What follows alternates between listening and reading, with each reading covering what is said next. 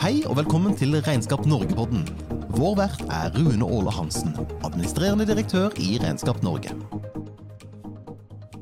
Da ønsker vi velkommen til nok en runde i podkasten vår, og ønsker velkommen til Charlotte Søvik fra Økonomihuset. Velkommen, Charlotte. Veldig kjekt å være her. Ja, og Veldig hyggelig å ha deg i studio. Eh, Vi skal snakke litt om din reise inn i regnskapsbransjen, og litt hva du tenker om bransjen. Du representerer jo framtida, det må vi jo få lov til å si. Eh, Vi kan starte med, starte med Økonomihuset. Ja. Eh, Hva er ambisjonene deres? Hvem eier det? Hvor er historien din? Økonomihuset er et lokalt byrå i Bergen. Vi har fire forskjellige kontorer i Bergen omegn, faktisk. Vi er 41 ansatte akkurat nå. Et par på vei inn, så, så sånn er det. Eh, Og det er et firma som ble startet av min far tilbake i 2002. Ja. Eh, Da kjøpte han to kontorer egentlig i Bergen og, og bygget videre på det. Eh, Og så kom jeg inn eh, i 2018 bare som en deltidsjobb ved siden av studiene, rett og slett. For jeg gikk på økonomistudiene og fant ut at det var, var helt OK eh, å gjøre da. Greit nok? Ja. sant. Ehm, så ble det bare mer og mer. Så var det gøyere enn jeg trodde. Så da eh, ble jeg værende og eh, kjøpte meg inn i, i 2022, da, helt på slutten av eh, året. Ja. Men er det pga. faren din da, at du liksom tenkte at fra du var liten at jeg skal gjøre som pappa, jeg skal begynne å jobbe med tall, og dette er kjempegøy? Jeg har alltid likt tall, men jeg har alltid sagt at jeg eh, ikke skulle gjøre sånn. Så jeg har sagt, eh, de som, de som kjenner meg fra jeg var liten, de har hørt mange ganger at eh, jeg ikke skulle jobbe i Økonomihuset. Ja. Det har jeg sagt mange ganger. Ja. Så det er ganske morsomt at jeg endte opp der likevel, egentlig. Ja, Og hvorfor gjorde du det, da? Nei, det var jo helt tilfeldig. Jeg, kom inn når jeg studerte. Jeg jobbet egentlig som restaurantsjef og barsjef mens jeg studerte. Og det, de arbeidstidene er ikke så veldig forenlig med å gå på forelesning klokken åtte om morgenen. Nei.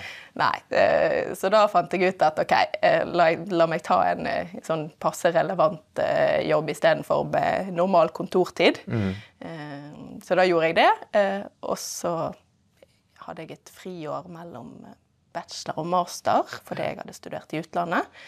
Og da fikk jeg egentlig bryne meg på ganske mye og fant ut at her skjer det jo spennende ting. Mm. så, eh, så ble jeg værende. Ja, men du sa, Vi snakket litt tidligere, og så sa du til meg at eh, du har tenkt på bransjen som litt grå, litt trist, traust. eh. Ja. Fortell meg den reisen. Hva, har du, hva har du tenkt, og hva er det som har gjort Eller hva, hva er opplevelsen din nå? Jeg, eh, det er jo det jeg tenkte, og det er jo derfor jeg sa jeg aldri skulle jobbe i Økonomihuset. For jeg så nå bare han da jeg var liten, satt foran PC-en, og det var, det, det var det, den siden jeg så. sant? Satt foran en skjerm og trykket, og det så ikke så veldig interessant ut. Jeg er glad i mennesker, jeg er glad i at det skjer ting, og, eh, og de tingene der. Så da eh, tenkte jeg at nei, det der det er ikke noe for meg. Eh, så begynte jeg å, å jobbe, og det var jo masse kundekontakt og masse spennende mennesker. Mm. Masse spennende teknologi som man kunne hive seg ut i og fordype seg i. Eh, så det var sånn jeg kom inn på at ok, her, her er det spennende ting. Ja.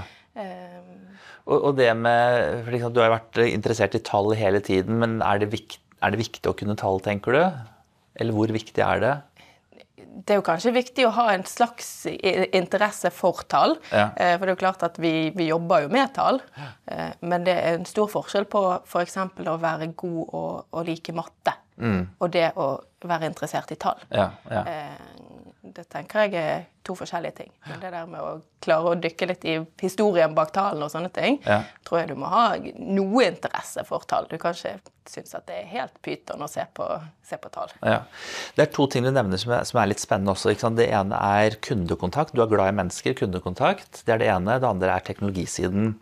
Og, og når jeg synes det er litt sånn spennende å ta tak i det, fordi vi har gjort undersøkelser, og de viser at eh, veldig mange altså Vi gjorde en omdømmeundersøkelse og den viser, blant våre egne, da, altså regnskapsførere. Og den viser at veldig mange er opptatt nettopp av kundekontakten. Det å faktisk treffe mennesker. Og det står litt i kontrast til det du eh, tenkte sjøl, å sitte foran en skjerm. Så det, så det er ganske interessant. Og det andre, det er jo vi opplever jo også gjennom eller ser i undersøkelser at bl.a. unge er opptatt av teknologi, innovasjon. Eh, Det så også jo i omdømmeundersøkelsen vår, og vi mener jo sjøl at eh, dette er jo egentlig en teknologidrevet bransje. Det blir mer og mer teknologi. ikke sant? Systemer, data, chat, GPT som kommer, som vi driver oss og ser på. ikke sant? Hvordan vi kan bruke i, i, ja, i yrket. da. Så, så kan du si litt om hvordan du, altså hvordan du, hva du tenker om teknologi, teknologi i bransjen, og også for så vidt hva dere gjør i, eller hva du gjør i Økonomihuset på den siden, da. Ja. Det et, dette er et lite spørsmål. Veldig lite spørsmål. Ja. Jeg tenker jo at teknologi er helt, helt avgjørende i bransjen. Eh, Klarer man ikke å henge med der, så faller man av. eh, På et eller annet tidspunkt. Ikke i dag, men på et eller annet tidspunkt gjør man det. Sant? Det er mange aktører inne her. Det er ikke bare regnskapsbyråene, det er systemleverandørene og ikke minst bankene. Jeg hørte på en podkast på vei hit, faktisk, eh, der eh, Eh, Hun som leder eh, frontend-utvikling i Sparebanken Vest var med. Eh, Og hun sa så fint at de, de har jo ambisjoner om å gjøre akkurat det samme som vi har ambisjoner om å gjøre. Sant? At de eh, systemene skal egentlig levere rådgivningsgrunnlaget. Sant? Systemene skal kunne se eh, Her er det en bedrift som driver med salg av markiser. Det er desember, og nå kommer snart momsbetalingen. Det er litt lite penger på konto. Ok, trenger du å øke, eh, øke kassakreditten nå mens det er lavsesong? Og så skal du få det grunnlaget. Og det er jo det, det, er det jeg tenker òg, at vi må klare å bruke teknologien sånn at vi kan sitte igjen og være mennesker. Eh, og ikke gjøre den grovjobben. Og, sant, teknologi og, og datamaskiner de er gode på, på behandling av data og analyse av data. Og så sitter du på menneskene, og menneskene trenger du for å ha relasjon. Sant? Eh, Det er ikke alle som klarer å forholde seg til, til en datamaskin og det som kommer ut derfra. Eh, Så har du gode mennesker kombinert med god teknologi, så tror jeg du, du kommer langt. For bare for å bore litt i dette her, ikke sant? Fordi vi, vi mener jo, som jeg sier, at eh, vi er en teknologidrevet bransje. Vi ser også på mange undersøkelser som vi gjør i Regnskap Norge, at det er en bransje i vekst. ikke sant? Så, så her er det positive muligheter. Men litt for å utfordre på det du sier. ikke sant? Eh, Teknologien eh, analyserer, den gjør veldig mye. Trenger du da egentlig så veldig mange regnskapsførere da? Ja, jeg, jeg mener jo det. Eh, og så skal jeg si noe som kanskje provoserer litt. Eh, skal det hete regnskapsfører? Eh, for jeg tror ikke vi kommer til å føre. Det tror jeg eh, på et eller annet tidspunkt. Jeg har sagt det før, men da har jeg brukt ordet bokfører. Sant? Bokføreren blir vekke, men, men rådgiveren står igjen. Mm. det blir jo egentlig litt det samme med regnskapsfører. Det er et begrep som henger igjen fra den tiden man førte bøker.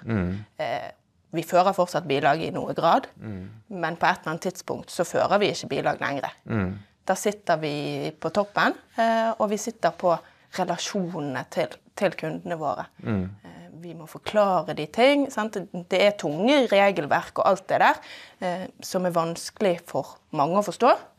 Eh, Og, og så er det nå engang sånn at mennesker liker å forholde seg til mennesker.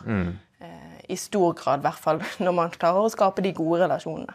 Og jeg tror at eh, de regnskapsførerne som vinner i fremtiden, det er de som eh, de blir gode nok på teknologi, men så er de veldig god på relasjonsbygging. Det handler kanskje vel så mye om at det, som regnskapsfører, for å bruke det begrepet begrep som fortsatt er der, Ja, ja, eh, at, at vi har eh, hva heter det? At vi, vi har trygghet og kompetanse på teknologien, sånn at vi kan også ivareta det behovet som kunden eventuelt har. da. Men bare for å svare på spørsmål, for det, det er mange som, eller svare på spørsmål, jeg skal være litt forsiktig med det, men det er mange som eh, i og for seg opp gjennom eller perioder diskuterer hva skal, hva skal barnet hete. Eh, og jeg syns også det er en veldig relevant diskusjon, og rådgiver vil jo fort være eh, ja, relevant å tenke på som, som én mulighet.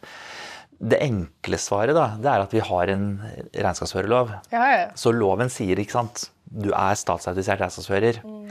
Men det betyr jo ikke at det skal være sånn for evig og alltid. Så, og, én en ting er at du, du er det i bunn, hoppsi. du har uh, autorisasjonen din.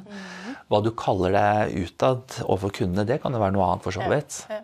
Så uh, har dere noen sånne Bruker dere andre begreper dere i hverdagen, eller? Eh, Nei, altså vi bruker jo begrepet statsautorisert regnskapsfører, for det er jo fortsatt et trygt og godt begrep mm. som, som kundene kjenner og som de stoler på. Ja. Eh, De som ikke er autorisert, de har tittelen økonomikonsulent hos oss. Ja. Eh, og eh, så er, har vi jo selvfølgelig de som har, har en rådgivertittel, de som sitter på ekstrakompetanse. Eh, og så har, eh, har jeg laget meg tittelen forretningsutvikler, rett og slett, for å bre over det jeg driver med. Ja. Eh, Ja, Fortell litt om det, da. Ja, det, jeg, jeg, jobber, jeg jobber vel 50-50 internt og eksternt. Ja. Jeg jobber mye med utviklingen av Økonomihuset.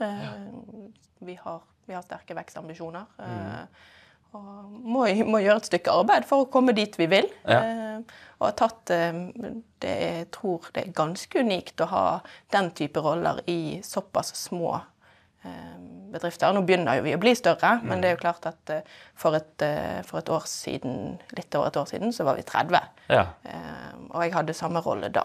Ja. Så, men det er en del av den strategien med at man, okay, man må bruke tid på å utvikle egen bedrift for å klare å henge med i tiden. Kan, øh, I den grad du kan avsløre det for lytterne våre, eh, altså, hva er det du ser av utviklingstrekk, utviklingsmuligheter? Et stikkord jeg har i bakhodet mitt, er selvfølgelig bærekraft. Det har vi snakket en god stund om i, i Regnskap Norge, i økende grad i bransjen. Også, det tar liksom ikke helt av, men vi tror på et eller annet tidspunkt så kommer det. Nå er det jo liksom Det er flere drivere i markedet. ikke sant? Offentlig anbud. Nå er det krav til altså bærekraftig anbud. Eh, Bankene kommer med sine krav, og det kommer jo regelverk. Det var en del, så hva er blikket ditt eller deres på bærekraft, og hva er det andre dere tenker på når dere snakker om utvikling? Eh, Jeg har absolutt tro på at det kommer, og at det er et marked for det og et behov for det. eh, og hele den biten der. Mm. Det er ikke noe vi har ressurser på nå. Eh, Det er ikke, det er ikke mitt interesseområde. Mm. Det er nok noe vi kommer til å måtte ha ressurser på på et eller annet tidspunkt. Eh, Det jeg jobber mest med, er nok eh, teknologi og, og effektivisering og utnytting av de mulighetene som ligger der i dag Ja. og i fremtiden. Ja. Eh, og da er vi tilbake til teknologien. Eh, hvilke muligheter ser du? Hva du tenker, Kan du utdype det du sier? Ja, altså jeg tenker jo i den retningen som jeg snakket om tidligere. Sant? Vi, vi må få automatisert eh, bilagsføringen. Det har vi snakket om siden, siden før jeg begynte i bransjen. Ja. Eh, så, så ja, utviklingen går fort, men det går samtidig ikke så veldig fort. Ja. det er to sider av en sak. Og, eh, og så går vi jo mot dette med å få hjelp til analysearbeidet. Ja. Eh. Vi, vi har snakket om rådgivning òg fryktelig lenge, uten at andelen av rådgivningsarbeid som vi leverer, eh, har økt. Ja. Den, den er jo ganske stabil. Eh, så jeg tenker det at da trenger vi kanskje noen bedre verktøy for, for å trygge de som jobber i bransjen, til å levere den rådgivningen. Sant? Men akkurat det der med rådgivning, jeg er veldig enig med det du sier. Eh, Og vi har jo sett det fra Regnskap Norge. Vi har, hatt, vi har eh, sertifiseringsprogram på rådgivning, forretningsutvikling, og har sett litt sånn varierende interesse. Mm. Men, men det vi også utfordrer litt på, da, det er jo nettopp det at som regnskapsfører så har vi veldig god relasjon til kunden. Eh, Fører, vi fører årsregnskap, det er, det, er liksom årsregnskap og eh, det daglige regnskapet, det er det store jobben. Og så kommer telefonen, ikke sant. Eh, og så begynner vi å analysere regnskapet over telefon, bare for å gi et kjapt lite råd der. Altså, hvor flinke er Det kan jo hende at vi faktisk gir veldig mye råd allerede, men vi er ikke flinke til å betale betale for den jobben. Og skille mellom her gjør vi bokstavelig talt bokføringen, mens her gjør vi analysen og rådgivningen. Hva, hva tenker du når jeg sier dette? Jeg jeg er helt enig uh, i det. Og eh, det er ganske interessant, faktisk. For det er noe vi har sett på internt. Og der ser vi en stor forskjell mellom de som er eh, litt eldre og har vært i bransjen lenge, eh, og de som er unge og kommer inn i bransjen. De som, de som har jobbet i regnskapsbransjen lenge, de, de er veldig opptatt av å være grei med kundene sine og, og ta vare på kundene sine og den ting. Og det er en litt sånn der eh, redsel for å ta betalt, rett og slett. Ja. Eh, og de vet jo veldig godt at hvis de skriver rådgivning, så koster det mer enn hvis de skriver bilagsføring. Eh, så vi, vi har jobbet mye med det internt, med å på en måte løfte den der Ja, men vi, vi leverer verdi. Du sitter på kjempemasse verdifull kunnskap, og vi er nødt til å ta betalt for den verdien vi leverer. Ja. Eh, Der er, der er de unge mye flinkere å, å, å se. Og, og, ja, nei, han spurte meg om noe. Jeg, jeg ga et råd. Ja, ja. Sant? Eh, Så den er, det er faktisk Og det tror jeg kanskje henger litt igjen et, i hva bransjen har vært.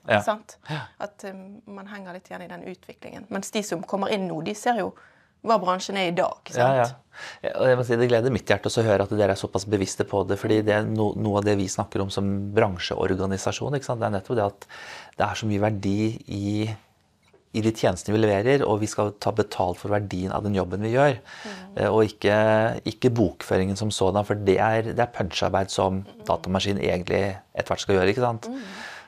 Så da er det litt sånn omdreining, og det er litt sånn spennende å høre at dere, er på, på det løpet. Vi ser det også litt i de undersøkelser vi har på sånn prisundersøkelser, våre egne, eh, sammenlignet med andre jeg, konsulentbransjer. Da. Eh, Og det er også litt hyggelig, syns jeg, å se at eh, prisveksten i regnskapsbransjen er høyere enn en del andre. Og så har vi noe å ta igjen, tross alt. Ja, sant. Ja. For det var det jeg skulle si, at vi, vi har jo tradisjonelt lagt veldig langt bak. sant? Ja. Og nå begynner vi kanskje å skjønne at eh, vi har verdi, vi òg. Ja. Og vi har mange etter hvert, sant? så har man mange høyt utdannede. Vi har mange som sitter på forskjellige masterutdannelser og, og sånne ting. Så vi, vi er jo nødt til å ta betalt for kompetansen. Mm. Ellers så klarer jo ikke vi å, å beholde folkene heller, sant? for de skal jo òg ha betalt for kompetansen Men jeg tenker sånn, sånn som sist år tydeligvis da, så har dere økt med ti ansatte, så det åpenbart så gjør dere noe riktig, det går riktig vei. Eh, hvordan reagerer kundene da på at dere begynner å ta betalt for tjenestene? Eh, Jeg opplever stort sett at det går veldig greit. Eh, Det man ofte må gjøre, er å forklare kundene eh, hva er det vi tar betalt for. Sant? Egentlig vise de verdien i Ja. tjenestene vi gjør. Ja. Eh, at de fleste er ikke nødvendigvis prissensitive. Nei. Men de fleste er veldig verdisensitive. Ja. De har ikke noe problem med å betale for en tjeneste de ser verdien av. Ja. Men hvis ikke de ser verdien av en tjeneste, ja. så er det vanskelig å betale. Det blir litt som å gå på butikken. Du har ikke lyst til å betale det samme for en First Price-vare som du betaler for, eh, for Gilde, f.eks. Ja. Sant? Jeg kjøper jo Nei da. Men og det er veldig, veldig interessant å høre det, det, høre det du sier, og den der bevisstheten rundt eh, verdisensitiv og prissensitiv. Mm. Litt i forlengelse av dette her, så jeg spør flere som, som er i studio her, er jo dette her også med prising. ikke sant? Fastpris, timepris. Hva, hva, hva gjør dere? Hva tenker du der? Eh, vi tar i utgangspunktet alle nye kunder på fastpris. Så har vi en del som ligger igjen på timepriser fra, fra gammelt av. Eh, så har vi noen oppdrag som vi syns er veldig vanskelig å prise. Så vanskelig å se, se omfanget av behovet og, og den biten der. Eh, men i utgangspunktet så tenker jo vi at fastpris er, en god løsning for både oss og kunden. Ja. Eh, Da har vi òg insentiver for å, for å effektivisere arbeidet og strukturere arbeidet internt på, på best mulig måte. Mm. Det har man ikke nødvendigvis når man fakturerer Nei. etter timen. Ja. Sant? Eh, Så det syns jeg synes også det er superinteressant med disse som bare fakturerer fastpris og ikke førertimer. Ja. Eh, Selv om jeg ikke helt ser hvordan vi skal klare det med det første, men eh, jeg syns det er veldig interessant. Ja, men Når det er fastpris, så er jo det på oppdrag, ikke, ikke sant? Ja. Og det er her jeg da tenker det er da det blir viktig også Dette er regnskapsoppdraget, f.eks. Og så er det sånn å sette streken og si at eh, nå er vi over på rådgivning. Ja. Og det gjør, vi på, det gjør vi på alle våre kunder, selv om de ikke er på fastpris. Ja. Så har vi et veldig sånt bevisst forhold på eh, hva er innenfor og utenfor et standardoppdrag. Uavhengig av om hvilken prising de er på. Rett og slett for at de ansatte skal egentlig bli mer og mer vant til fastprismodellen, selv om de har kunder på timepris. Så vi har på en måte eh, Både på standardtjenestene, på bokføring og sånne ting, så har vi en art som er standard, og en som er tillegg. Ja. Sånn at du får et bevisst forhold hele tiden til jobber du innenfor et standardoppdrag, eller gjør du noe mer. Ja. Da er det òg lettere for, for de som fakturerer, å plukke opp hvis du Kanskje du har ført det på bilagsføring tillegg, Ja. eh, men så har du skrevet hva du har gjort, og da ser man å ja, men dette var rådgivning. Ok. Ja. Da løfter vi det opp til rådgivning. sant? Det er veldig spennende å høre. Jeg håper dere som lytter også hører på. ikke sant? Og det, det er interessant når, når vi diskuterer pris i bransje, fordi det er fortsatt en del som er sånn å, vi tør ikke bytte modell. Så har vi gjort noen analyser som det er vanskelig å si hvilken modell er lønnsom for så vidt. Men jeg tror nok mye egentlig har å gjøre med å være veldig bevisst og tro til det, dette har vi avtalt på dette oppdraget. Nå er vi faktisk over på et annet oppdrag som heter rådgivning. Og dette har en helt annen verdi, så jeg tror kanskje det er vel så, vel så viktig å ha bevissthet og nærmest være lojal sjøl til den, den eh, forretningsmodellen. da. Ja, og så tenker jeg òg det at sant, det der med lønnsomhet på fastpris og eh, time eh, Da tenker jeg det har jo noe å si hvordan du setter den fastprisen din. For hvis du når du setter en fastpris, tenker hvor mange timer bruker jeg på dette, mm. Så vil det jo ikke bli mer lønnsomt enn å fakturere på timen. Mm. Da vil det jo bli akkurat det samme. Hvis, du, ja. hvis gitt at du treffer på estimatet ditt, da. Ja, ja. Eh, så når vi prøver, og det er, det er jo fryktelig vanskelig, sant? men vi prøver i stor grad å tenke hvilken verdi har denne pakken for kunden. Eh, hvem er denne kunden? sant? Mm. Ehm, skal de ha rapportering tidlig. Eh, eller skal de ha rapportering seint? Vi har noen kunder som har rapportering før månedsslutt, til og med. Og det er klart at det må være dyrere. Mm. Ikke fordi at det er fryktelig mye eh, mer arbeid for oss å lage det, men det er verdi for kunden. Ja.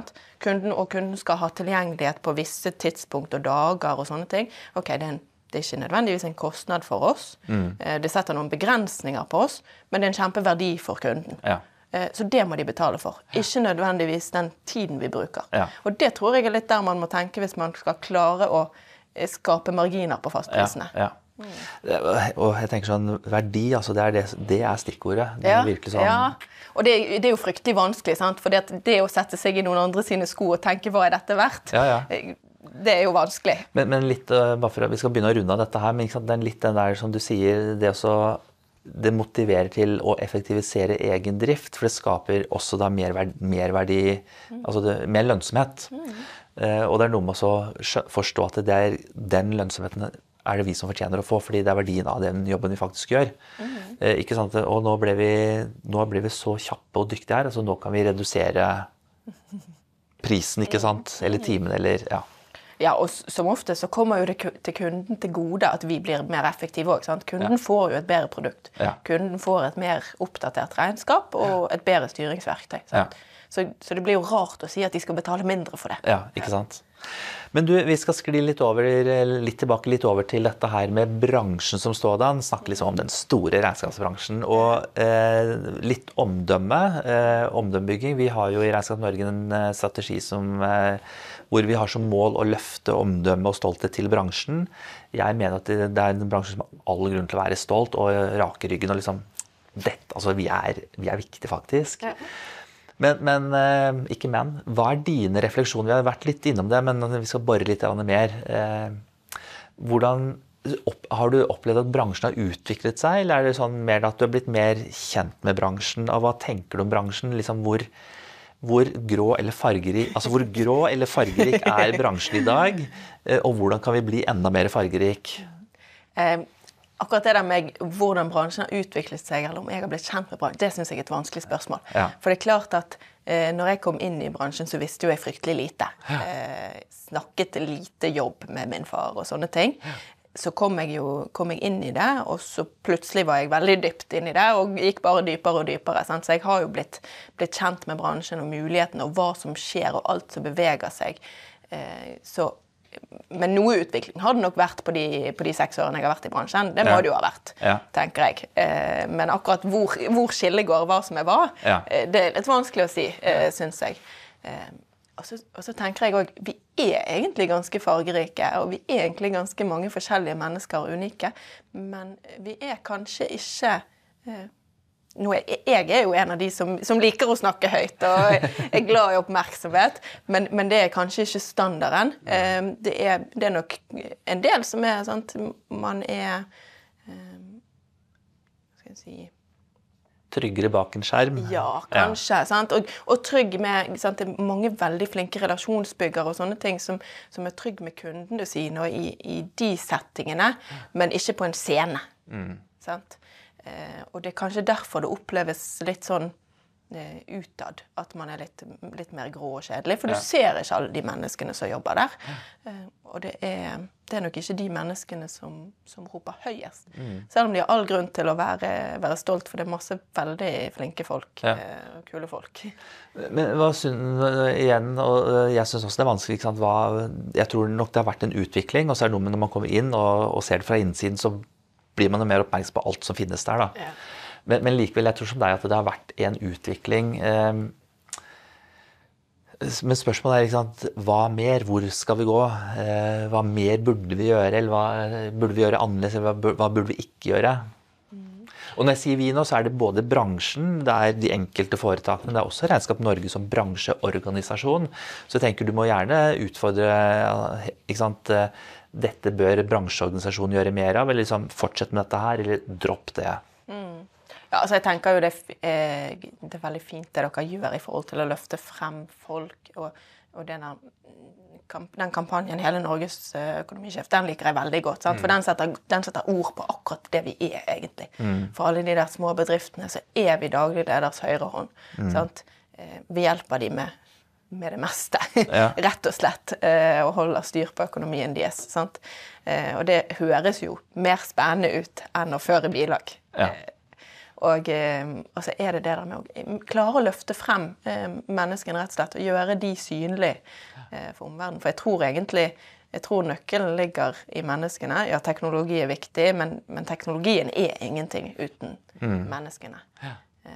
Tror jeg. Hvordan, hvordan, kan vi løfte frem flere folk, da? Nei, det er jo et veldig godt spørsmål. Det vet jeg ikke om jeg har noe veldig godt Nei. svar på. Uh, vi, vi, jobber jo veldig med dette her, og bare for å avsløre litt uh, noe som kommer, uh, uten å si alt, selvfølgelig. Man skal si A og ikke alltid B. Ja. Vi, vi, jobber jo nå med å løfte omdømmet osv. Så, videre, så er vi midt i en fase med å ferdigstille en sosiale mediekampanje, Altså kampanje i sosiale medier. Mm. Retta for så vidt mot de yngre, altså ungdom Eh, yngre folk som er på vei inn i bransjen litt for å fortelle meg at dette er veldig ålreit bransje å være i. Da. Ja. Eh, så der jobber vi mot, eh, med en kampanje, så vi er veldig veldig spente på det. Er første gang vi kommer til å gjøre det. Men det er litt, et lite forsøk egentlig liksom, på å treffe det, altså det, Ikke løfte opp folk i den forstand, men altså løfte opp bransjen. Løfte opp liksom, hva er det yrket er, hva, hvem er på en måte regnskapsføreren. Eh, og så får vi se om vi får det til, da. Ja. Ja, for jeg tror jo det der med å klare å vise frem litt forskjellige sant? Mm. Det er jo, Innimellom så er det jo gjerne folk fra bransjen ut i aviser og sånne ting, men det er kanskje de som, som sitter høyt oppe. Mm. og og de har ofte en tendens til å bli litt mer grå, rett og slett. Sant? De har den posisjonen de har. Det er noe med å, det der med å virke, virke seriøs. Og ja. En diskusjon jeg hadde, jeg hadde med eh, Apeland etter eh, podkasten deres med de, sant? om man kan være seriøs i, ja. i oransje eller rosa dress, eller om man må, man må kle seg litt eh, ja. mer passende. Der, der, mener jo jeg at man kan det, eh, men man man må nok man må jo vise verdi på en annen måte i tillegg. sant? Ja, ja. Men eh, jeg tenker jo det at jeg, jeg, tror det er mange som vil ha Petter Stordalen som regnskapsfører. jeg. Faktisk. Ja, jeg, jeg og kanskje tror... vi trenger en Petter Stordalen i regnskapsbransjen. Ja, ja. Men, men du er jo en ung kvinne som er da fargerik. Hvordan opplever du da så å være ute og treffe folk og snakke om eh, bransjen? Jeg opplever det som, som veldig positivt, egentlig. Um, det jeg opplever, er jo òg at jeg hadde kanskje ikke trodd at du var regnskapsfører. Og den har jeg litt lyst til å endre. Ja. Jeg har litt lyst til at det skal være, når jeg sier jeg, jeg er regnskapsfører, så har jeg litt lyst til at det skal være helt naturlig. Ja. Ikke noe sånn overraskelse. sant? Um, så det tenker jeg er noe å jobbe mot. Ja, Klarer vi å komme ja. dit at det er helt naturlig, da tenker jeg ja, ja, da har vi, da har vi kommet et godt stykke. Ja. Men, men, hva sier du da til venner, eller når du møter det spørsmålet eller den reaksjonen, sier du noe da, eller? Ja, jeg sier noe og sier noe. Jeg, jeg, liker jo å forklare ja. hva det går i. sant?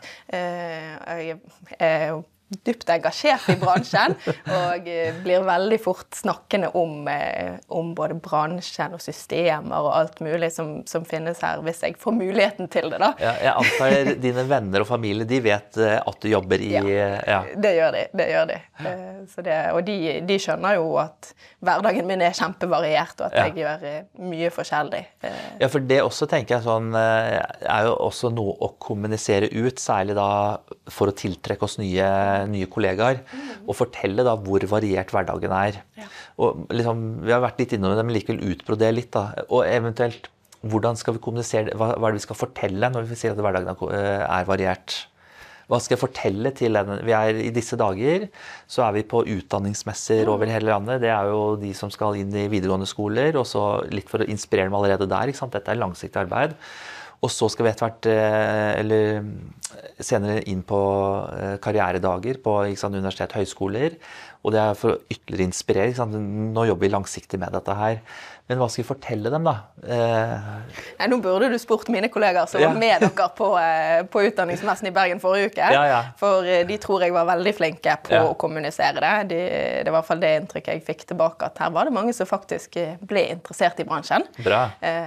Da hadde vi ute både veldig erfarne rådgivere og en, en som har kommet helt inn i bransjen på en måte helt fra sidelinjen har studert juss, har ingen økonomiutdanning i det hele tatt, egentlig, ja. eh, som klarte å kommunisere at her er det mye forskjellig å jobbe med. Det er, ja. det er masse forskjellige kunder. Altså, det er jo på en måte grunnlaget for at det er mye forskjellig.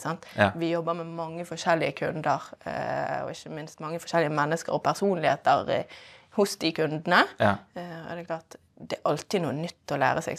Du, føler du deg Utlært blir man aldri, men føler du deg litt utlært innenfor rett område, ja. så, så, dykker du inn ned i noe annet. Sant? Så finner du deg kanskje en annen bransje du interesserer deg for. Og det er klart at det går jo veldig mye utover regnskap òg. For hvis du skal være en god regnskapsfører og rådgiver, så tenker jeg at da må du forstå hva kundene holder på med. Ja. For å kunne klare å rådgi dem rundt økonomien, så må du skjønne ja. forretningsdriften. Sant? Du må skjønne, sånn som hun i banken som sa at ja, du selger markiser, ja, men da selger ikke du så mye i desember. Sant? Du må forstå de tingene. Eh, og da er det fryktelig mye å ta av. Ja.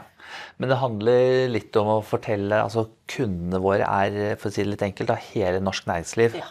Liksom fra A til B. Eh, og så er det små og store kunder, og så er det eh, mye teknologi, det er forståelse av data, det er forståelse av regnskap. Og det er, og det, er det vi snakker mye om. Sånn, være den tette rådgiveren som er tett på. Ja. Og så er jo det ingen tvil om at vi trenger jo òg de teknologiinteresserte menneskene. Ja. Det er ikke sånn at du må være eh, sånn fryktelig glad i å prate med mennesker og, og den relasjonsbyggingen for å jobbe i regnskapsbransjen. Mm. For vi er jo avhengig av de som kan hjelpe oss med å få løftet teknologien. og ut i organisasjonene, sant? sånn at alle forstår han og eh, de tingene der. Og det, det tror jeg vi òg sliter litt med, eller det ser vi at vi sliter med, med å tiltrekke oss teknologer ja. inn i bransjen. Men dere har jo eh, som sagt de siste åra alene ansatt ti nye personer. Ja, Nei, det ble litt feil, for vi gjorde et oppkjøp i, okay. i, i, i Dere ble ti flere, i hvert fall. Ja, ja, fordi Nå skal jeg nemlig spørre om eh, hvordan dere, altså hva, hva, gjør dere for å tiltrekke dere folk? ikke sant? Fordi Dere, skal jo, dere har jo vekstambisjoner, ikke sant? Ja. dere skal bli ganske store. Eh, ikke sant? Hva tenker du at, eh, Hva skriver dere nærmest i stillingsannonsen, eller, eller gjør dere spesielle ting for å, for å mm. tiltrekke dere nye medarbeidere? Vi gjorde kolleger. faktisk eh, et bytte der eh, i midten av fjoråret som, som har fungert veldig bra. Vi bruker et byrå som hjelper oss, som er spesialisert på bransjen vår. Ja. De har selv jobbet i bransjen tidligere eh, og forstår litt hva det går i. Og så har vi gjort et grep med stillingsannonsene med at vi faktisk viser mer av hvem vi er og hva vi gjør på. Vi har hvis du går inn på stillingsannonsen til Økonomihuset, så ligger det film fra julebordet. Ja, ja. Dere turte det, altså? det turte vi. Den var, tatt, før... var tatt tidlig på kvelden, men, eh, men det, viser litt, det, viser litt, at man er på en måte sprudlende mennesker som syns det er kjekt å danse og ha det kjekt i lag i tillegg. Sant? Eh, så trekker vi frem dette med, eh, med på en måte ja, hvem er vi? Altså hvem er Økonomihuset, og hva er spesielt ja. med oss? Sant? Dette her med teknologi og mennesker i kombinasjon, det er veldig viktig for ja. oss. Uh, så det prøver vi å trekke frem i stor grad. Ja, og det, det, har fungert godt, eh, syns jeg. Vi har klart å, klart å rekruttere nå tre statsautoriserte som begynner de, de neste månedene, i et om jeg må si det, ganske tørt marked. Ja, ja. ja for det, det, er fortsatt eh, ja, som sier, veldig tørt, og det ropes jo etter regnskapsføre. Så tenk, tenk sånn, Det interessante det var jo i fjor, eller ved sist ja, eh, sommeren ja, for et halvt år siden, da, mm. eh, når eh, tallene for samordna opptak til høyere studier kom. Mm Eh, om det er tilfeldig eller et resultat av vårt begynnende arbeid, det vet ikke jeg, men da vises det at eh, søknaden til økonomi, økonomiske og administrative fag økte med Nå husker jeg ikke om det var 30% Det var i hvert fall solid økning. Um, mens en del andre yrker, bl.a. dessverre egentlig, men altså, jeg tror læreryrket eh, stupte. Eh, og det er mitt sånn, litt refleksjon fra min side. så tenker jeg sånn, De har også sjøl snakket om all, hvor tungt og traurig og krevende det er i den bransjen. Og tenker sånn, Det frister jo ikke meg å begynne der, mens vi prøver å fortelle sant, hvor spennende det er, hvilke muligheter som er, og, og den bredden. Så, så, fortsatt er det litt tørt, men jeg er jo, jeg er jo spent på utviklingen framover. Ja. Målet vårt er jo å få enda flere inn i bransjen. Ja, og det håper jeg vi klarer. Ja. Eh, vi trenger det. ja. Men har du noen liksom, en ting er da, Det er jo spennende å høre hvordan dere da i stillingsutlysninger stå frem. Dette her er oss, sånn er vi, og sånn er bransjen. Dette vi jobber med. Det, for det tror jeg er ganske viktig. Har du noen tanker om hva for å gå tilbake til Regnskap Norge igjen, da, hva kan vi som bransjeorganisasjon gjøre? Jeg tenker jo, altså, Det er viktig å være tydelig på disse tingene egentlig i alle settinger eh, ute. Ja. Uh, så kanskje du skal kjøpe deg en oransje Could happen. ja. Nei, eh, det tror jeg Altså, det å klare å få frem det i, i, flest mulig settinger, hvor mye forskjellig vi, vi jobber med, mm. eh, og hvor, hvor, stor utviklingen egentlig er, eh, det tror jeg er viktig. Eh, klare, ja, egentlig dra det frem, alle muligheter man har, sant? Ja. Eh, og trekke på det.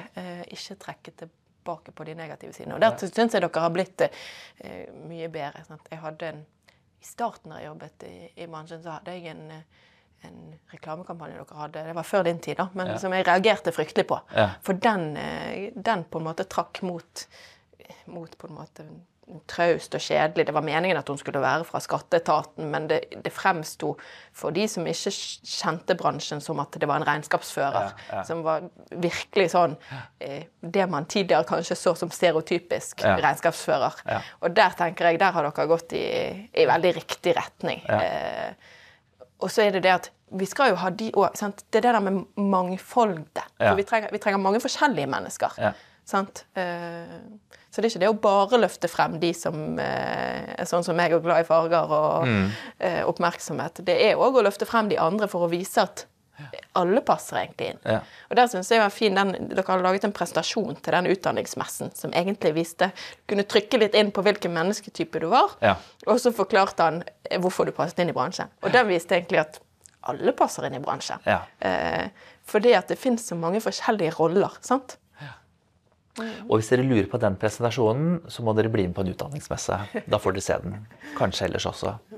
Men det har lyst til å Fordi vi, vi, er opptatt av dette. Ikke sant? Løfte sånn. Og jeg spør jo ikke sant, hva kan vi gjøre. Men det jeg er vel så mye opptatt av, er jo det store vi. Altså bransjen som sådan. Mm.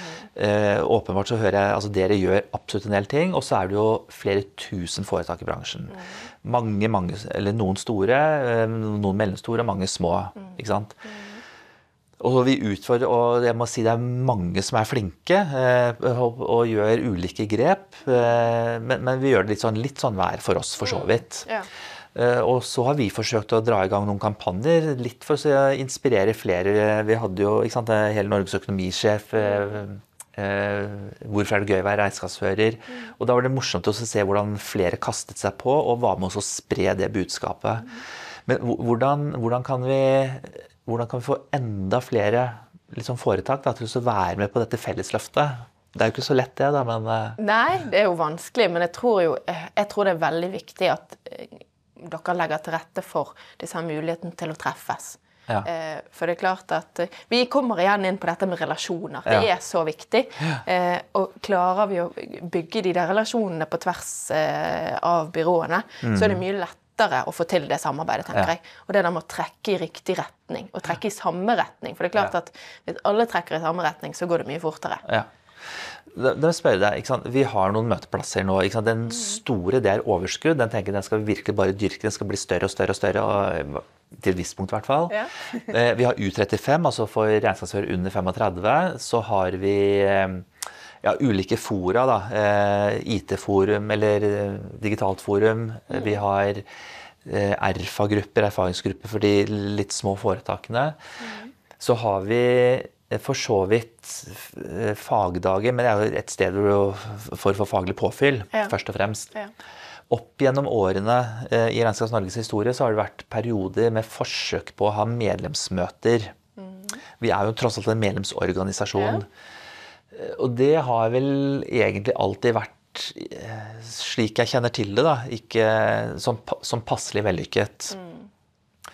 Så det, det, det mest sånn konkrete medlemsmøtet det er generalforsamling, og det, blir, det er veldig formelt. Og så har vi overskudd, som er liksom det store. Men har du noen tanker? Vi leker litt med ideen om skal vi teste ut og ha medlemsmøte f.eks. For i forbindelse med fagdager i Bergen. da, Så har vi liksom et medlemsmøte på topp eller ved siden av det. Eller i forlengelsen.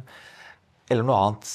Ja. Eh, Jeg tenker jo Et grep som dere har gjort som konsekvens av korona, det er den digitale generalforsamlingen. Ja. Det tror jeg er feil retning.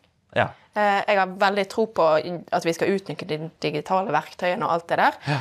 Men det tror jeg var et viktig møtepunkt. Det er i hvert fall sånn jeg har blitt. Jeg har aldri vært med på det selv, men, Ja. men det er sånn jeg har blitt fortalt det. At det var et viktig møtepunkt. Og nå ble det på en måte Nå forsvant det litt. sant? For det, det der med å treffe fysisk, det er, det er en annen ting enn, enn å sitte bak en skjerm, på en måte.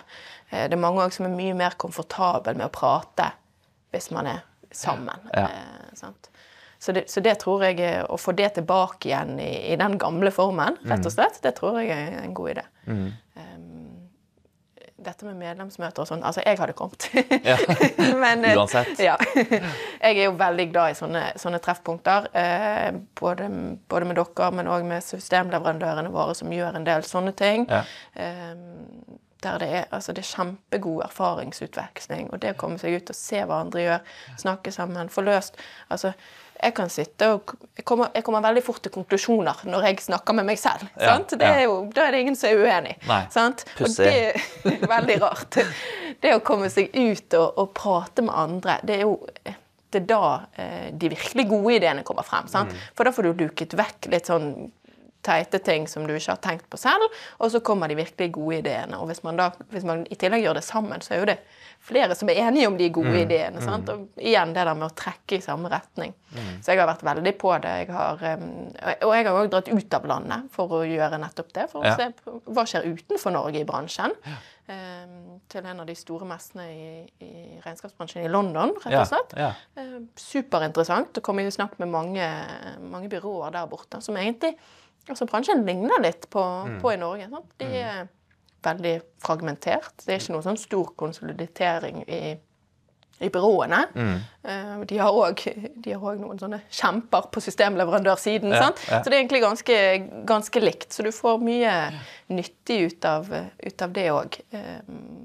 Kanskje Regnskap Norge skal arrangere medlemstur til en sånn messe. Ja. Kanskje det kan være spennende. Vi, vi, har jo, vi har jo Nå har vi jo fagdager da, i Syden. Ja, stemmer. Det, det, ja. Så det er jo en kombinasjon sånn sett både Ja. primært fag, og så blir det sosialt, ikke sant? for det er en ramme rundt det. Ja. Eh, Så har vi, vi har jo et nordisk nettverk. Eh, våre søsterorganisasjoner i Norden. Og der arrangeres det årlig en sånn såkalt NAF, Nordic Accountant Federation Convention, konferanse. Den er foreløpig ikke veldig stor, eh, og den har nok vært rettet mot de store foretakene. Ja. Og primært kanskje styrene for så vidt, for å ha litt uh, styreutveksling Ja. på nordisk nivå. da. Ja.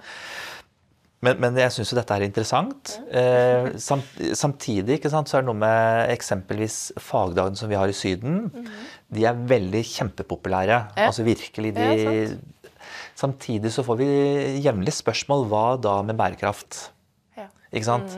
Ja. Eh, og, det da, og, og det er også litt den der med eh, fysiske møter. Altså, for jeg er dønn enig med deg. Det å møtes som du og jeg gjør nå, gir en helt annen relasjon. Og i hvert fall når vi skal bore litt og ha litt sånn grundig prat.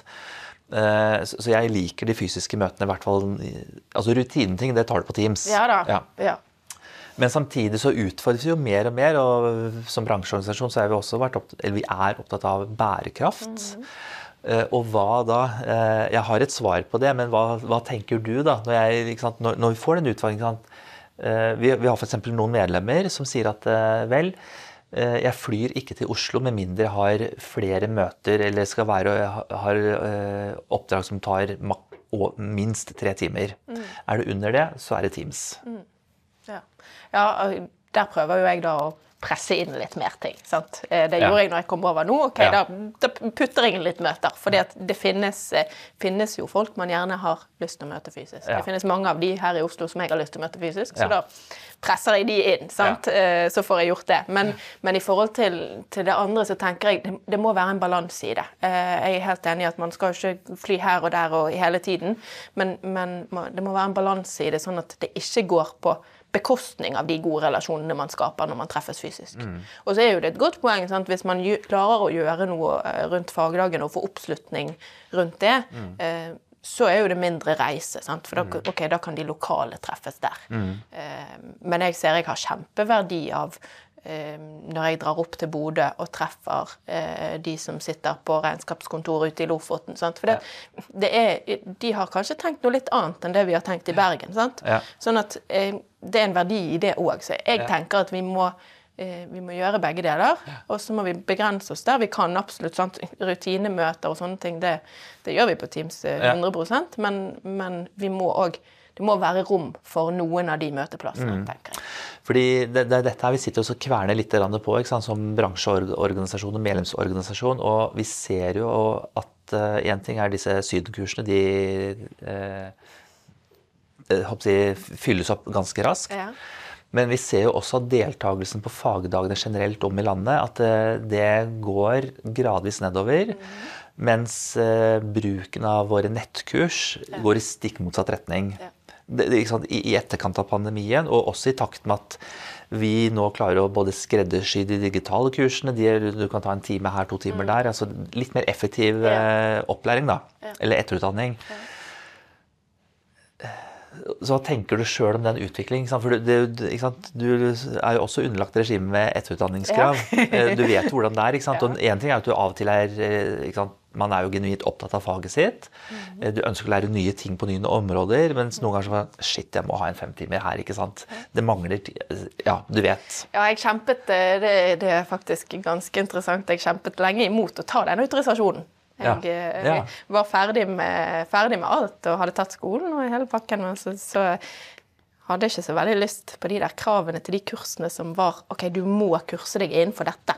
Hvis det var et område jeg ikke jobbet så mye med, sant, så er det fryktelig kjedelig å ta masse timer med kurs på det. Sant? For jeg har jo mange ting som jeg har lyst til å rekke over, som jeg virkelig brenner for. Ja.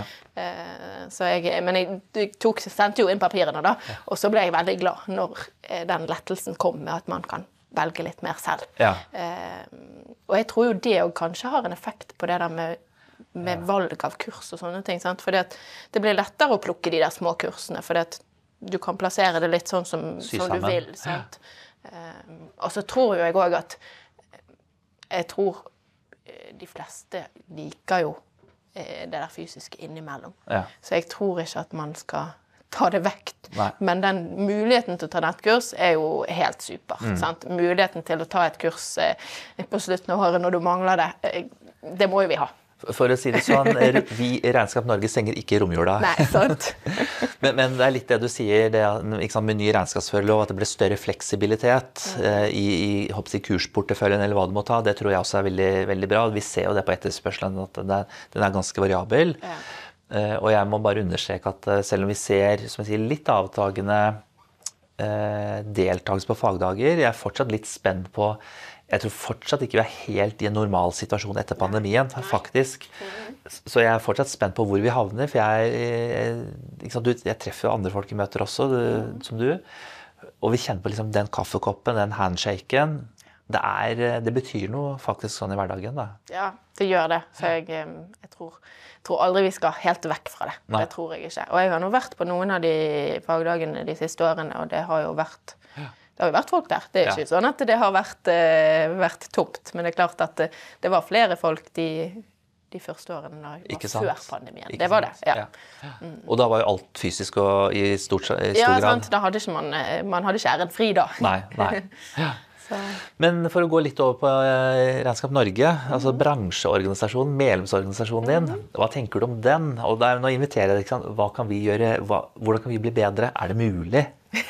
Altså, jeg vet det ikke er mulig, men eh, jeg er jo ikke så, jeg er ikke sånn som er veldig sånn sugar-coating på ting. Så, jeg, så det, er klart, eh, det er klart at det er mulig. Det er alltid mulig å bli bedre. Alle kan bli bedre. Eh, Det er det ingen tvil om. Eh, Der jeg, Nå syns jeg dere har gjort mye bra på det vi har snakket om i forhold til ombudet. Der er dere helt klart på riktig vei. Der jeg syns det skorter litt, det er faktisk på teknologibiten. Ja. På å være med og løfte bransjen på den biten. Jeg syns dere kunne tatt en tydeligere posisjon der. Hva, hva, hva tenker du da? Da tenker jeg òg litt på sant? Vi henger igjen. Vi henger fortsatt litt igjen med dette her med å sette strøm på papiret. Mm. Vi må klare å tenke litt nytt. Ja. Jeg har jo helt siden jeg kom inn i bransjen eh. Jeg begynte å bruke KS-skjemaene når jeg begynte ja. som regnskapsfører. Ja. Men jeg kan ikke fordra dem, og jeg skjønner ikke hvorfor de fortsatt er der. Nei.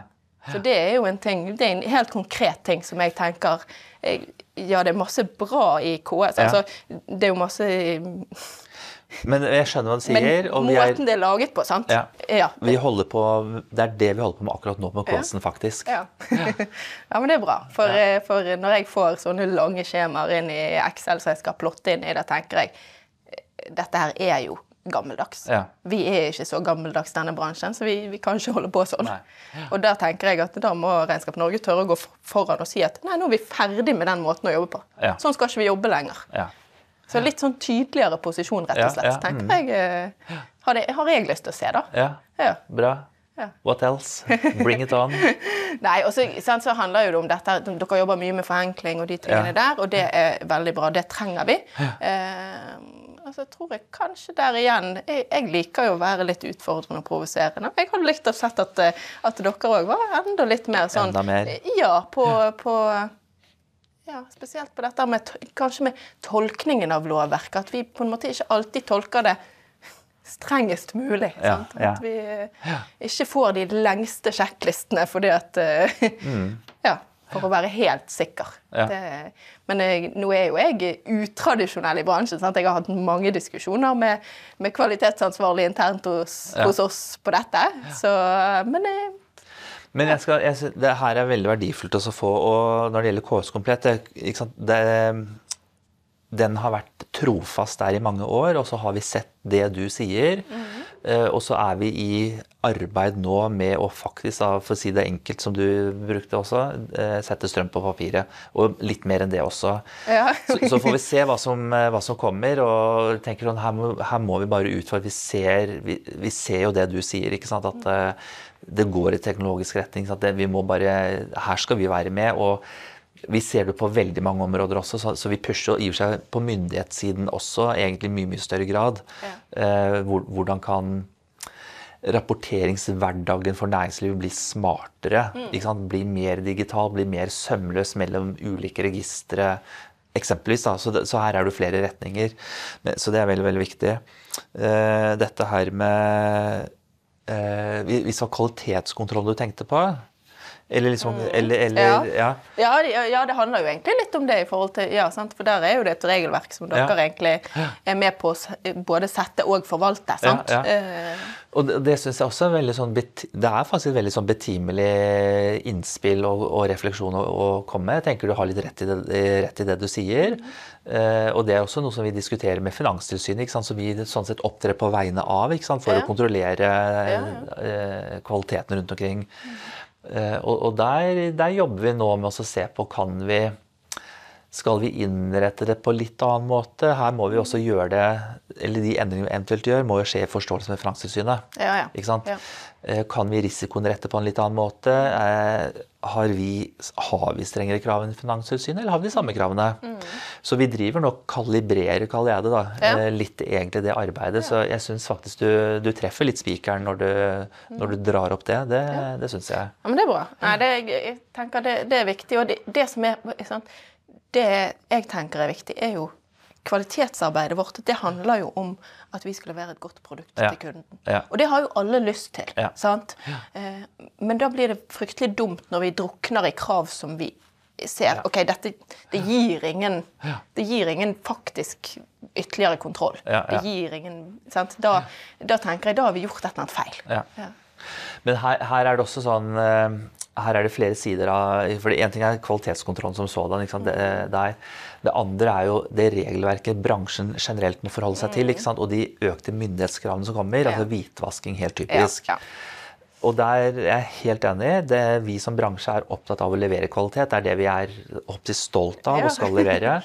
Men også der utfordrer vi, og det er litt større ikke sant? utfordrer litt myndighetene på at skal det være så strengt som dette her? Eh, Må det være på den måten? Og vi gjør nok det i ulike sammenheng hvor vi prøver å ut, eller ikke bare prøver, hvor vi utfordrer litt på tolkning av regelverk. Eh, og, og vi har også sagt det ligger i strategien vår at vi skal, vi skal være bransjens advokat. Og hvis det er ting vi mener er, er helt urimelig, eh, så- skal vi gjerne ta den saken sammen med eller på vegne av bransjen og si at vet du, dette her aksepterer vi ikke. Det, det er litt, litt, litt på siden kanskje, men den, eh, eller litt på siden, altså kanskje litt dårlig eksempel, men, men eh, Eh, nå må jeg tenke meg om. I fjor eh, sant, eh, ble innført digital skattemelding for enkeltpersonforetak. Ja. Og alle ble pålagt å levere det, altså enkeltpersonforetak. Og helt nytt system. eh, Og alt funka ikke helt som det skulle. Litt typisk helt greit, eh, men hvor skatteetaten sier at jo, jo, dere må levere til, til tide. ikke sant? Og vi prøver å si at nei, det går ikke, det går ikke. Der jobbet vi mye for å få en utsatt frist. ikke sant? Ja. Og så, det som skjedde, var at mange som hadde slitt underveis her, da får du hva skal jeg si, Produksjonen blir jo tukla til. Så blir det forsinket levert årsregnskap, og så får du forsinkelsesgebyr fra Brønnøysund. ikke sant? Der fikk vi jo, etter lang mye om og men, så fikk vi jo ettergitt dette fra Brønnøysund omsider. da. Ja. Men, men nå er vi jo nå inne i dette året her. Nå skal jo alle levere digital skattemelding. Ja. Så, så vi er jo, og vi, er, vi heier jo på digitalisering, apropos. Absolutt. Eh, Men det skal skje på en skikkelig måte. Og jeg har diskutert med skattedirektøren ja, men hvis det skjer noe krøll her nå, da. Ja. Eh, hvis Charlotte ikke får levert eh, regnskapene fordi det er noe krøll i systemet, hvilket ansvar er det hun har, eller kunden hennes? Ja, nei, det er jo skattyter som har ansvar da. Ja. Så jeg, vet du hva, det aksepterer jeg ikke på vegne av bransjen. Mm. når, hvis det er etaten som har bestemt at her skal det være et nytt system, og har bestilt det nye systemet, tenker jeg, der sitter ansvaret. Så det, det er litt på siden av det du drar opp, men det er litt også den, vår jobb for å utfordre myndighetene også, Ja, ja, som vi jo- tar hele tiden. Det er jo absolutt en kjempeviktig rolle. Sant? Det at dere kan ta sånne saker, og det, det må jo dere fortsette med. For det er jo sånne saker som man som et lite byrå er, er sjanseløs på. Ja. Sant? Men klarer vi å stå, igjen, sant? stå sammen om det, så kommer vi, kommer vi gjerne en vei. Sant? Uh, og det tenker jeg det er en superviktig rolle. Uh, men der opplever jeg at dere er ganske gode på de sakene som, som dukker opp. Det Ja. Gjør jeg. Ja. De konkrete sakene, der. Ja, da, og jeg må si jeg erfarer jo, jeg hører jo, det er hyggelig å høre ikke sant, at både skatteetaten Finanstilsynet og i og for seg myndighetene, de er håper de som er i vår sfære, da, de er glade for regnskapsføreren og er opptatt av oss ikke sant? Ja. og ser verdien av jobben vi gjør. Vi innledet jo samarbeid med Økokrim her i fjor. Eh, som vårt engasjement ikke sant? med kvalitet og bekjempe svart arbeid. Og det er også veldig sånn hygg, en hyggelig samarbeid med dem. Da, for jeg opplever stor respekt fra deres side på den jobben vi gjør, og hvor viktig vi som bransje er for å bekjempe svart arbeid. Så, så det, er, eh, det er også gøy. Men nå snakket jeg egentlig veldig bort fra det. jeg satt og så- Du, du kom med gode utfordringer, så jeg må si bare What else? Jeg tror jeg på en måte jeg var eh, inne på det viktige. Ja. Eh, Eller det som jeg syns er viktig. Sant? Jeg er jo veldig for dette med at vi må Ja. løfte oss teknologisk. Ja. Og vi må være eh, altså, Sånn som bankene, de sitter jo på kjempemasse. Det er greit at de er veldig treige på sine gamle interne systemer og sånne ting, men det er òg noen som er fryktelig gode på utvikling, og de sitter jo på masse utviklingskraft. Mm. Sant? Så det er klart at eh, skal vi være relevant, så må vi, så må vi klare å ta den posisjonen. Og da tenker jeg at eh, igjen dette med Vi er fryktelig mange små aktører Ja. i bransjen. Ja. Sant? Eh, og det blir vanskelig for de å gjøre det alene. Da må Regnskap Norge gå foran og si. Uh, Ja. Og det, det, beste eksempelet mitt er det i KS-skjemaene. Ja. For det det er utdatert. Ja. Og da må man som bransjeorganisasjon, selv om man har Du har jo mange regnskapsførere som sverger til de, og som liker de, og Ja. som ikke kommer til å bli glad når dere tar de vekk. Ja. Eh, det er det jo ingen tvil om. Men da tror jeg likevel at man som, som bransjeaktør må, må tørre å si at det, er den veien vi skal. Det er den veien vi må. Gjøre litt som skatteetaten, da. Så Ja. vi digitaliserer og fjerner RF-skjemaene. ja. Det- det jo- ja, ja. ja, men jeg heier på den endringen som er gjort der fra skatteetaten. Jeg syns jo personlig at den nye skattemeldingen er mye bedre. Ja. Men jeg er helt, også helt enig med deg at man må få tid til å snu seg og innføre det, og, og ta hensyn til eventuelle problemer underveis. Det, det må jo være en selvfølge. Vi skal snart eh, vi skal begynne å runde av, men det er to ting jeg likevel må spørre om. Det litt litt berørt litt, men hva tenker du om systemleverandørene? Spørs hvem du spør om. Nei da. Jeg, eh, jeg har et fryktelig godt eh, forhold til de eh, leverandørene som vi bruker mest Ja. i, Økonomihuset. Eh, Der igjen så er jeg tydelig på, på hva jeg syns er bra. Jeg jeg tenker det, det handler om å heie på folk der de er gode, Ja. og være tydelig på hvor er dere ikke gode nok. Ja. og opplever i stor grad at, eh, at vi blir hørt der. Og så er det jo sant, det, det er klart at eh, jeg syns ikke noe om at hvis vi har så stor markedsandel som de har. eh, Det syns jeg ingenting om. Syns ingenting om hvordan de håndterer nedleggelser av systemer og, og de tingene der. Men det er nå engang sånn at vi må forholde oss til disse leverandørene. Eh, Vi klarer ikke å lage vårt eget regnskapssystem. Sant? Vi har sagt vi skal plukke på øverste hylle av de systemene som på en måte der vi ikke klarer å lage Noe lager vi, noe, Ja. noe gjør vi selv. Ja. Men ellers skal vi plukke på øverste hylle det som er best, og vi skal sørge for eh, at det er mennesker vi klarer å samarbeide med, sånn at vi på en måte får den gode relasjonen og utviklingen sammen. Og så har jeg igjen tro på det der med at ja, klar, velger du riktig, riktig samarbeidspartner, så, så deler de av godene, Ja. og man, man skaper nye gevinster sammen. Sant? Det har jo vært et tema eh, tidligere på, på IT-forum og sånne ting at eh, systemleverandøren egentlig stjeler profitten vår sant? Og, Ja. og tar betalt. Men um, vi opplever ikke det. Eh, vi reduserer jo ikke våre honorarer, um, men kunden betaler systemet direkte i tillegg. Ja. Og jeg syns det er helt fint. Ja. For de får, de får et godt system. Sant? Det er gode systemer, de skybaserte systemene som kommer nå. Ja. Og de er laget på en sånn måte at de kan selges til kunden. Ja. Det var ikke de gamle systemene. Sant? Det var ikke noe Det var et system for oss. Ja. Sant? Mens disse er systemer for kunden. Så um, det, det er blandede følelser, selvfølgelig. For det, um, det er sterke krefter, krefter der, og det det er litt for mye samlet på ett sted. Ja. Um, likevel så har vi valgt en Visma-leverandør. Sånn Vi bruker primært uh, PowerOffice Go. Ja. Eh, så, så vi har jo gjort det for, rett og slett fordi at de var best. Ja. Vi, jeg, må- jeg må jo spørre om dette, for dette er så viktig for bransjen, og mange har, har meninger og sterke meninger om dette her, og peker på alt det du sier. Eh, og, og vi utfordrer jo der vi kan også, ikke sant. Så noe av det vi gjør, er jo denne pris- og teknologiundersøkelsen som vi har hvert år, som jo viser at mange som dere er veldig fornøyd med noen systemer, selv om kanskje prismessig de er høyere eller dyrere. Eh, Men uansett det er noe med oss at vi tenker at den rollen vi kan ta, er i hvert fall å skape mer eh, åpenhet. Både om prisstruktur og holdt på å si, innhold, og dermed opp, si, eh, koble det mot tilfredshet hos brukerne. fordi da er det lettere for et lite foretak for eksempel, å finne ut jeg jeg er et lite foretak, hvilke systemer passer for små, hva, er, hva, er liksom, hva, hva syns de andre er bra, og hva er prisen? Ja. Så velger man ut ifra det. Så det er den ene siden. Den andre er jo overfor myndighetene, sant? hvor vi går til Konkurransetilsynet og sier at det her er årets eh, kartlegging. Eh, hvis man har fortsatt en dominerende posisjon, posisjon så dere får fortsatt følge med på det. Eh, og hvordan utviklingen er. ikke sant? Ja. Og, og, og så er det Konkurransetilsynet som på et tidspunkt må finne ut uh, i hvilken grad er det mistanke om misbruk av dominerende posisjon, Ja. og skal de gjøre noe mer. Ja. Så, men uh, ja, det, det her er viktig. så det, det her på en måte, vi, vi må bare følge med så godt vi, godt vi kan, og utfordre, utfordre på det. da. Ja, jeg tror det er veldig viktig det dere gjør i forhold til den priskartleggingen. og sånne ting, For det er helt klart at det er, det er et vanskelig marked å navigere hvis du skal prøve å sammenligne systemene. Det er det. Vi skal begynne å runde av. Jeg må bare spørre om, Hva tenker du om framtida på bransjen? Oh, det, jeg syns det er et så vanskelig spørsmål. For vi har jo snakket om, eh, vi snakket om framtid mange år tilbake. Sant? Så når jeg begynte, så trodde jo at man at man ikke førte bilag i dag, og det gjør vi jo fortsatt. Ja. Så det er klart at eh, jeg ønsker jo å si at, eh, at om fem år, så Eller ja, mindre enn det òg, så gjør vi ikke det. Vi, vi er vekk fra det. Vi er rådgivere. Vi, vi det produseres i bakhånd. Ja. Vi hjelper kundene med de, de spørsmålene de har. Vi, vi sitter mye tettere på. Vi eh, leverer mer dags- og aktuelle tall. Eh, og jobber ja, mer, tettere og tettere med kundene våre. Ja. Ja, Og noen flere som har blitt fargerike. ja kanskje. Du har trua. Jeg har troen. Ja. Veldig. Det, det er en bransje for fremtiden. Ja, veldig bra. Tusen takk for at du kom i studio. Jo, takk for at veldig kom. fikk hyggelig å prate med deg. I likeså. Og jeg tar med meg utfordringene. Ja, det er bra. Jeg gleder meg til å se. Ja.